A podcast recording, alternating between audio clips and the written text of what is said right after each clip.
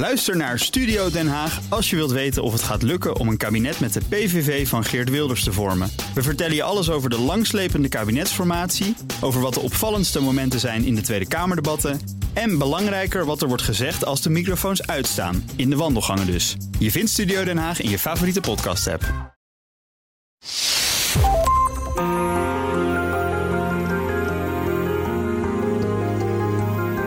Je luistert naar De Stratege, een podcast van BNR in samenwerking met het Den Haag Centrum voor Strategische Studies. Mijn naam is Paul van Liemt. De oorlog tussen Israël en Hamas heeft de hele wereld laten schrikken. In totaal duurt het conflict al sinds de staat Israël werd opgericht in 1948. Hoe kan het nu eindelijk tot een duurzame en vreedzame oplossing komen tussen Israël en de Palestijnen? Dat besprak ik vorige week met Robert Sarri, oud-ingezant voor het vredesproces in het Midden-Oosten. En Han ten Broeke, directeur politieke zaken bij Den Haag Centrum voor Strategische Studies. Als we werkelijk uh, nu na deze oorlog, dus uh, niet terugkeren naar die status quo, maar een, er echt iets gedaan wordt aan Gaza, dan kan de, natuurlijk de VN, die zal daar zeker een grote rol in spelen. Want we, de VN is de enige instantie, internationale instantie on the ground. Laten we dat niet te vergeten. Met, met, met talloze VN-organisaties die daar actief zijn. Die dus ook bij de wederopbouw weer een grote rol zullen spelen. Ja, de UNRWA bijvoorbeeld. Maar ook politiek ja. kan het dus mogelijk zijn dat je een resolutie nodig hebt in de Veiligheidsraad. Wij hebben gesmeekt ja. uh, als, uh, als VN in 2014 om zo'n resolutie. We kregen hem weer niet. Nee. Nee, nu is die kans heb, nog kleiner. En uiteindelijk heb ik toen het Gaza Reconstruction Mechanisme hè, kunnen, kunnen uitonderhandelen met de, hè, met de Israëli's en de, en de Palestijnse autoriteit. Wetende dat dat niet de echte opening van, uh, van Gaza zou worden. En hier zeg ik weer, wat we toen ook heel erg hebben gemerkt, was dat Netanyahu toen geen echte interesse had om het te veranderen. Ik hoop dat na deze oorlog dat er toch aan de Israëlische kant iets zal veranderen. Maar ik ben het met jou eens. Het is heel moeilijk in te schatten. Want het is natuurlijk verschrikkelijk wat er gebeurd is voor de Israëli's. Robert Sarri en Hand en Broeken zijn ook nu mijn gasten om te gaan luisteraarsvragen beantwoorden.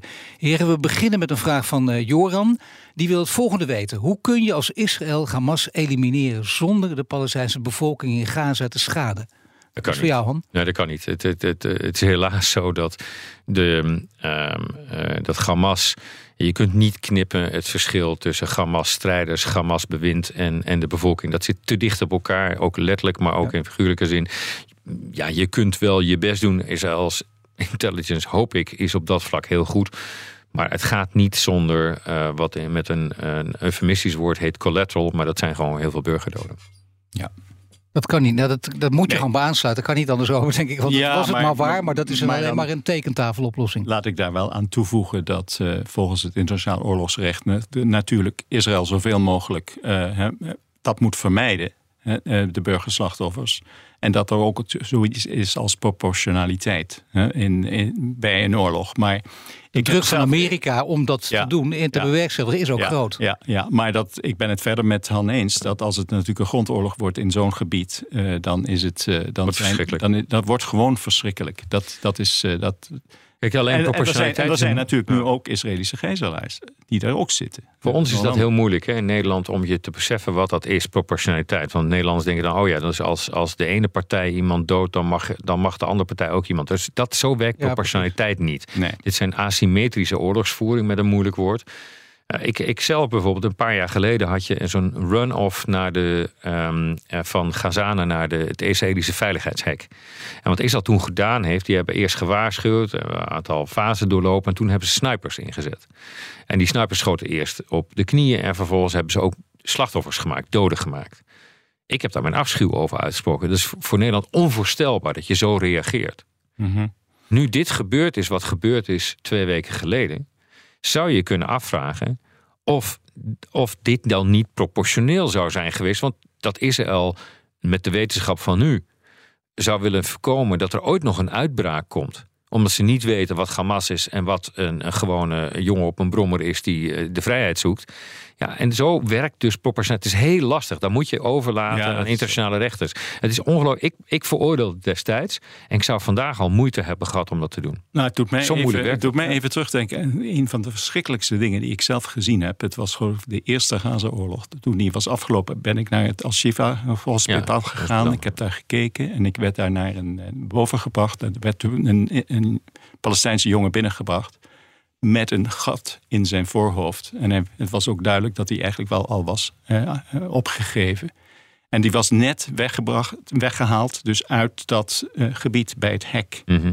En toen vroeg ik mij inderdaad ook af, als die Israëlische soldaat eh, op de knieën zou hebben geschoten, hoe komt het dan dat ik nu een, hè, een Palestijnse jongen zie met een, eh, hè, met een gat in zijn hoofd? Dat was even een van die momenten dat ik het even niet meer kon hebben ook. Maar je weet het niet. Je kent vaak ook de, dat is de fog of war ook altijd. Ja. Dat je nooit precies weet hè, wat, er dan, wat dan op de toedracht is geweest. Dus met proportionaliteit kom je er inderdaad ook niet hoor. Ja. Dat ben ik wel met je eens. Nee, dat is te netjes, dat klinkt ja, inderdaad ja, te redelijk, Ja. alsof het gewoon allemaal al keurig met wetten te maken heeft. De oorlog, Ja. totaal andere situatie. We Ja. kennen dat, dat begint iedereen die, die, die nu luistert en al die films ook nog bekeken over de Tweede Wereldoorlog, weet het helemaal natuurlijk. En al die oorlogen daarna. Dan komt er een vraag van Joachim. Wat is voor de Palestijnse bevolking een prioriteit? Het behoud van een eigen identiteit, los van het verwantschap aan de Arabische buurlanden, of een functionerende democratische autoriteit waarbinnen zij een etnische minderheid vormen?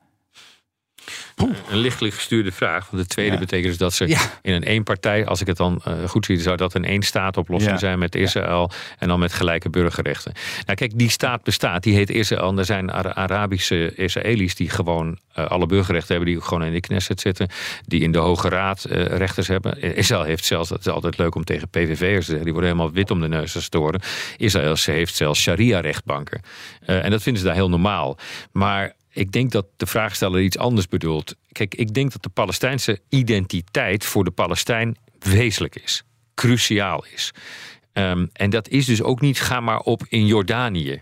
Ehm, of Transjordanië, zoals sommigen nog steeds zeggen. De Palestijnen wensen, en dat is zeer legitiem, hun eigen staat. Ik heb ook altijd de, eh, als parlementariër de ehm, Palestijnse vertegenwoordiger, die vertegenwoordiger heet omdat ze nog geen land hebben, dus geen ambassadeur genoemd mag worden, heb ik altijd aangesproken als ambassadeur. Om daarmee het legitieme verlangen van de Palestijnen naar een eigen staat tot uitdrukking te brengen. Een minister van Buitenlandse Zaken kan zoiets niet doen. Maar dat is wel waar het naartoe moet. En ja, ik, ik weet het, eh, ik, ik zal wel de laatste in de woestijn zijn om dit te roepen. Maar de twee-staten-oplossing is de enige oplossing. Is ook maar de enige oplossing voor Israël wil het democratisch, joods en een rechtsstaat blijven. Ik denk dat het voor de. Palestijnen gewoon het allerbelangrijkste is dat er een eind komt aan die bezetting. Die nu al zo, zo lang duurt. Hè, De langste bezetting in de moderne geschiedenis. En of dat nu een één staat is of twee staten, ik ben het met jou eens, eh, Han, dat één staat, dat is een één staat realiteit geworden. Ja. Want wij- dus leven eigenlijk al feitelijk in één Heb jij het staat. opgegeven, echt, de twee staten? Nee, nog niet. Anders zou ik niet nu spreken met, eh, met, eh, Yossi. ook met Yossi en eh Hiba Husseini. Want wij zoeken juist nog naar mogelijkheden om toch nog hè, tot een twee-staten-oplossing te kunnen komen. Maar dan moet je de, de traditionele manier waarop daarover is nagedacht, die moet opnieuw belichten. Je, je moet terug naar de tekenkamer. Maar terug naar die vraag voor Palestijnen, voor gewone Palestijnen. Betekent het gewoon dat ze smachten naar waardigheid, inderdaad vrijheid. Ze hebben heel duidelijk hun eigen ide- identiteit. En dan zullen wij een oplossing moeten zien te vinden in wat voor vorm dat kan. Eh, Voor mij zijn Palestijnen en Israëli's helaas Siamese tweelingen. Ja, dat zeg je goed, want ze Ja. lijken op elkaar. Dat is, Ja. dat is idioot. Ja. Ze lijken op elkaar. Ze zijn, in de Arabische wereld staan de Palestijnen bekend om hun goede dokters, om hun goede handelslui, om hun in- en export. En je komt Palestijnen ook tegen in de golf. Nou ja, ik zou zeggen, de overeenkomsten zijn, liggen voor het oprapen. En eh, nou, neem bijvoorbeeld iemand als Chaim Divon. Hè, dat is een oud eh Israëlisch ambassadeur die in Nederland woont. Die zelfs in Nederland is gaan wonen. Mhm. Eh, omdat hij het hier zo, hem zo beviel. Die jongen is opgegroeid in Jeruzalem. ehm, en is, die herinnert zich nog dat hij met zijn ouders gewoon fruit ging kopen in Ramallah. Het is maar, is maar 12, 13 kilometer Ja, verderop. Dat is, ehm, het is, een, het is een vloek en een zucht, dan ben Ja, daar. ik- ja, dat is waar. Maar ik bedoel het natuurlijk niet alleen positief. Hè.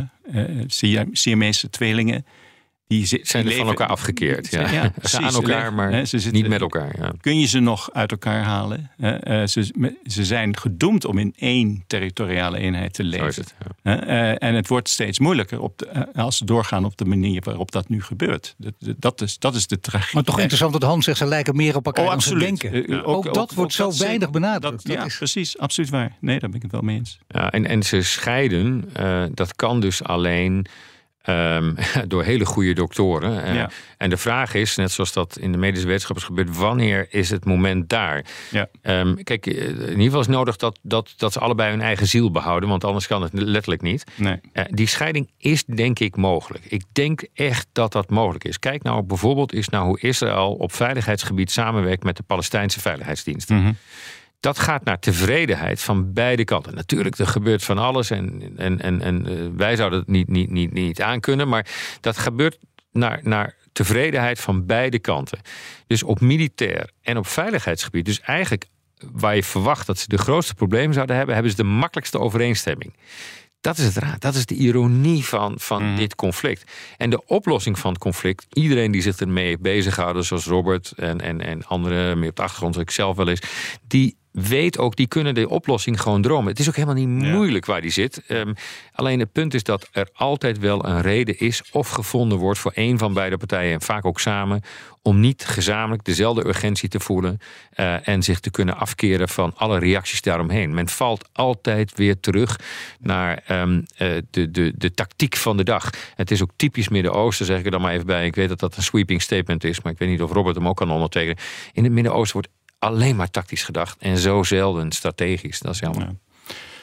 Helaas, eh, zeker ook aan de Israëlische kant. Eh, dat dat Ja, heb je ook aan de heel duidelijk met, kant, eh, met Netanyahu gezien. Hè? Dus, en over die veiligheidscoördinatie vind ik je iets te rozig. Maar goed. be- maar goed, ik, Ja. ik- verder, ik kijk, want het is wel zo dat in de huidige situatie door de Palestijnse bevolking Abbas gezien wordt als een soort sheriff van, van de Israëli's. En dat, Ja, een zetbaas. zo, zo, een zetbaas. Zo zou, zo zou, het, zo zijn. zou het Ja. niet moeten zijn. Hè. Dus, maar op zich is die veiligheidscoördinatie heel belangrijk. En dat die nog steeds stand houdt, is op zich inderdaad ook eh, heel, heel, heel, heel, In zekere zin hebben jullie antwoord gegeven op de volgende vraag van Joachim. Maar die heeft natuurlijk jullie antwoord niet gehoord. En hij probeert het eh, alsnog een keer. En dat doet hij door zware schut in te zetten. Namelijk eh, Yuval Harari. Want ja. hij zegt, Harari die zei het volgende. We zijn de gevangenen van onze eigen geschiedenis. Pas wanneer we daaraan ontsnappen, is vooruitkijken mogelijk. En dan zegt Joachim, beschouwt u eh, in deze context een eenstaatoplossing als haalbaar?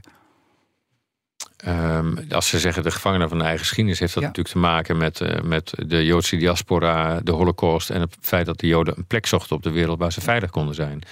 Ehm, of dat in een één-staat-oplossing alleen maar te realiseren valt, nee, dat denk ik niet. Want ehm, eh, kijk, daarbij hoort dat ehm, de Joodse staat Israël, en dat bedoelen ze niet religieus, maar meer identitair, eh, dat de Joodse staat Israël ook een democratie wenst te zijn.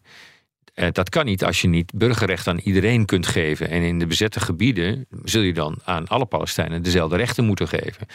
Eh, kolonisten zullen dat niet accepteren. Ehm, dat betekent ook dat als je een rechtsstaat wil zijn, dat iedereen onder dezelfde rechtsregels moet willen leven. Die wil is er niet. Eh, dat betekent ook dat je eh, de Joodse identiteit voluit moet kunnen beleven. Nou, we hebben gezien dat, dat de Joden in Israël, maar helaas ook op Europees continent, hier in Amsterdam bijvoorbeeld, daar niet meer volop kunnen vertrouwen. Hè. Afgelopen donderdag was hier een, sorry, donderdag twee weken geleden was hier een demonstratie op de Dam, waar nota bene elke 4 mei wordt opgeroepen nooit meer te vergeten. En wat moeten we dan nooit meer vergeten? Dat is diezelfde holocaust. Maar op diezelfde Dam werd twee weken geleden aan Joodse uh, um, pro-Israëlische betogers gezegd: bergt u die vlag alstublieft op, die Israëlische vlag, want anders kunnen we uw veiligheid niet garanderen. Twee dagen later staan er um, Hamas-vlaggen die beschermd worden door ons recht op demonstratie. Als wij het zover laten komen, hier al, wat hebben we dan nog voor rechten om Israël de maat te nemen? Mm, ja, nou, allereerst over gevangen, gevangenen van de geschiedenis. Ik uh, interpreteer dat ook zo dat als je zo dicht op de geschiedenis zit, dan zie je soms niet hè, wat, wat er gebeurt. Dat is uh, ook uh, voor mij vaak het geval. Ook. De, maar als het nu gaat om twee staten, één staat oplossing. Ik heb, ik, ik heb er, ik kijk, ik zit er iets anders in dan jij, denk ik, Han, hierover. Ik, ik geloof ook niet dat het uh, op een uh, afzienbare termijn een democratische één staat kan worden. Hè? Want dat zou het dan moeten worden. One man, one ja. vote, et cetera. Omdat dat het laatste is wat inderdaad de Israëli's zo, zelf zo uh, willen. Want zij willen een Joodse staat, dus met ja. een Joodse meerderheid. En dat is natuurlijk onmogelijk in één staat. Maar ik vind wel dat we de Israëli's dan veel meer moeten aanspreken op wat er nu gebeurt. Want men beweegt zich wel degelijk naar een één-staat-realiteit. Mm -hmm. Die je met andere woorden ook al apartheid zou kunnen gaan noemen. Als je ziet wat er allemaal gebeurt in, in, de, in, de, in de bezette gebieden. Dus ik vind wel dat de, dat de Israëli's dan nu erop moeten worden aangesproken. dat ze serieus worden over een twee-staten-oplossing. als die dan nog mogelijk is. Nou, dat laatste ben ik met je eens. Het woord apartheid neem ik liever niet voor mijn rekening. Om alle begrijpelijke redenen. Maar Kijk, als je Israël wilt aanspreken, dan moet je ook de legitimiteit hebben om dat te doen. Dan moet je skin in the game hebben, zoals de Amerikanen. Dan moet je ook bereid zijn om daar iets voor te doen. Niet alleen maar geld geven of scanners, zoals wij het gedaan hebben, wat heel goed is geweest overigens. Of voor wateroplossing. Iedereen zal zijn bijdrage meer dan moeten leveren. En ik denk dat die behoefte en die realiteit groeit, want we zien nu wat er gebeurd is. Ik denk dat het besef in Europa aan het toenemen is waarom Israël om zijn veiligheid bereid is heel ver te gaan. Want ze hebben geen alternatief. Ze kunnen niet omvallen. Want omvallen is direct het einde van de staat. Ze krijgen geen tweede kans. En uh, dat we ook zien dat we het conflict, um, dit conflict, enorm hebben geïmporteerd in onze eigen samenleving. Want Um, nou, kijk maar even naar hoe deze week rondom de afschuwelijke raketinslag van het ziekenhuis ook door Nederlandse, Duitse en andere reguliere media werd bericht. Die namen vrij snel het, het narratief van Hamas over. werd eigenlijk kritiekloos gedaan. Dat is alsof je in de Oekraïnse vergelijking, alsof je Wagner um, persbericht zou overnemen en bij de Oekraïnse tegenreactie je twijfels zou hebben gehad. Dat zou daar niemand voorstelbaar nou, Zonder de bron erbij te noemen zelfs. Niet, ja, niet eens een twijfel. Dat, zou, dat zou in de, in de, in de Oekraïnse situatie nee. onvoorstelbaar zijn geweest. En hier gebeurt het gewoon op grote schaal. Niet alleen in Nederland, maar overal. Maar hoe verklaar je dat? Ja, omdat, nou, hier lopen Robert en ik misschien wel uiteen, maar daar hebben we, hebben we wat meer tijd voor nodig. Maar ik zie dus dat uh, in Nederland en in andere West-Europese landen, Europese landen eigenlijk in de brede, het narratief de afgelopen jaren heel erg gekanteld is ten gunste van, zeg maar even de Palestijnen. Ik ben zelf zeer pro-Palestijnse staat, heb ik net al, al, uitgelegd in de podcast. Uh, maar ik zie wel dat er iets is verschoven. Er is iets verschoven in de politiek, in de politieke elites. Er is iets verschoven in de media. Er is iets verschoven in de culturele wereld de, de gemiddelde Nederlander vindt dit een ZEP-conflict. En van, oh god, daar heb je ze weer. Uh, zeppen even door. Maar we zien nu ook dat het op straat komt. En waarom komt het op straat? Ja, daar kunnen we lang en breed over praten. Dat komt natuurlijk omdat we het ook letterlijk hebben geïmporteerd. Met migranten die uh, worden opgevoed in de gedachte uh, dat uh, de Palestijnen zwaar worden onderdrukt door de Joden. Mm. En, en heel veel van die migranten ook worden opgevoed in de gedachte dat, dat er eigenlijk maar best zo min mogelijk Joden kunnen zijn. Dat is heel vervelend. Ja, maar het is niet meer veilig voor Joden hier in Amsterdam. Ja. Ze vermoeden al dat niet voor niks terug anders naar Israël. zou kijken. Ja. Nou ja, het is ook het geval. In, in, in die zin dat ik eh, vind dat we eigenlijk heel, heel lang hebben weggekeken. Eh, het was nauwelijks een issue meer hier in Nederland. Ik bedoel, uh, wat, wie, wie, wie ging er nog de straat op? In de zestiger jaren was, was het veel meer een issue. de Palestijns-Israëlische kwestie dan het nu bijvoorbeeld onder jongeren was. Misschien dat dat nu weer verandert. Maar ik had dus juist de indruk dat die Palestijnse kwestie eigenlijk ook langzaam maar zeker samen met de twee uh, statenoplossing bij ons ook achter de horizon aan het verdwijnen was. Dat komt natuurlijk nu helemaal terug. Ik vind dus dat het juist heel belangrijk is dat in deze discussie het niet weer een standpuntenpolitiek ja. gaat worden hier in Nederland. Ja. Laten we het toch godsnaam proberen hier genuanceerd over te blijven nadenken. In het belang van diezelfde Palestijnen en Israëli's. Dus ik vind, het, ik vind het heel vervelend als je ziet dat dat dus ook weer wordt losgelaten vaak. Soms in het debat, soms ook in, uh, in, in programma's die... Uh, Robert, nou, waar jullie het wel Robert, over eens zijn volgens ja. mij. Dat in ieder geval op de... Op, uh, het kan niet nu inderdaad. Maar, maar, Daar moet je Robert, maanden ik, bij. Maar op de puinhopen van een oorlog kun je ja. natuurlijk wel iets toevoegen. Ja. Ik, ik hoop dat je voor mij wilt aannemen als iemand die 13 jaar in de Nederlandse politiek heeft gezeten. En dus alle publieke debat heeft afgelopen. Ik kon mm. een, een eindeloze tour aan Palestina, Israël debatten voeren. Elke week opnieuw, alleen al hier in Amsterdam. Daar had ik, eh, ik denk dat je wel, wel twintig mogelijkheden per jaar had gehad om dat oh ja? te doen. Absoluut, geen enkel probleem. En er zijn ook veel demonstraties geweest. En eh, mijn agenda, als Kamerlid, mijn agenda als Kamerlid was gevuld met ehm, NGO's, groeperingen die hier nou, een In die zin heb je zeker gelijk. Dat ik geloof, in, in, elk coalitieakkoord moet er altijd ook een en ik heb zes weken onderhandeld in het, in het kabinet ja. ja, ja, met, met, met D66, ja. en aan de ene kant en mm -hmm. Joel Voordewind van de ChristenUnie aan de andere kant. En Um, Arme Knops en ik zaten er een beetje in het midden van het CDA en de VVD. Zes weken onderhandeld over een paragraaf die er niet toe deed. Nee, precies. Ja. En um, ja, zo gaat het. En wij zijn scherpslijpers, we zijn Calvinisten. We, we, moeten van een woord hangen we af. En een komma ook nog als die op de juiste plek niet staat. Maar dus neem van mij aan dat publieke debat is hier een soort fantoomdebat geworden. Het is een soort proxy in de hmm. Nederlandse politiek. Het, het, de, de evergreen van de buitenlandpolitiek is het Palestina-Israël conflict. Als je als buitenlandwoordvoerder niet geschoold bent in, in, in dat conflict, nou, dan kun je net zo goed thuis blijven. Of je hebt heel, min, heel weinig werk. Hmm. Um, dus, dus dat moet wel. Ik heb het zelfs nog erger meegemaakt. Ik heb zelfs meegemaakt dat men hier emotioneler daarover spreekt dan in de regio zelf. Waar ze uiteindelijk wel de emoties hoog laten oplopen. Mhm. Zoals dat hoort in het Midden-Oosten. Maar als puntje bij paaltje komt ook heel snel weer een deal kunnen sluiten met elkaar. Dat kunnen wij niet.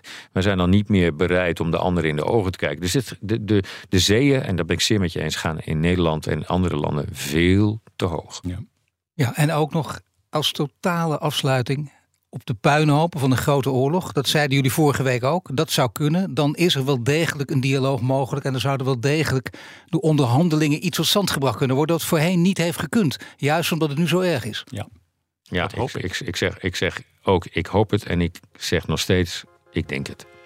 Oké, hartelijk dank heer Robert Serrie, oud-VN-gezant voor het vredesproces in het Midden-Oosten... en Hand en Broeke, directeur politieke zaken bij Den Haag Centrum voor Strategische Studies. Volgende week zijn we er weer met een reguliere aflevering van De Stratege. En wil je De Stratege vaker beluisteren? Abonneer je dan in je favoriete podcast-app en tot de volgende keer.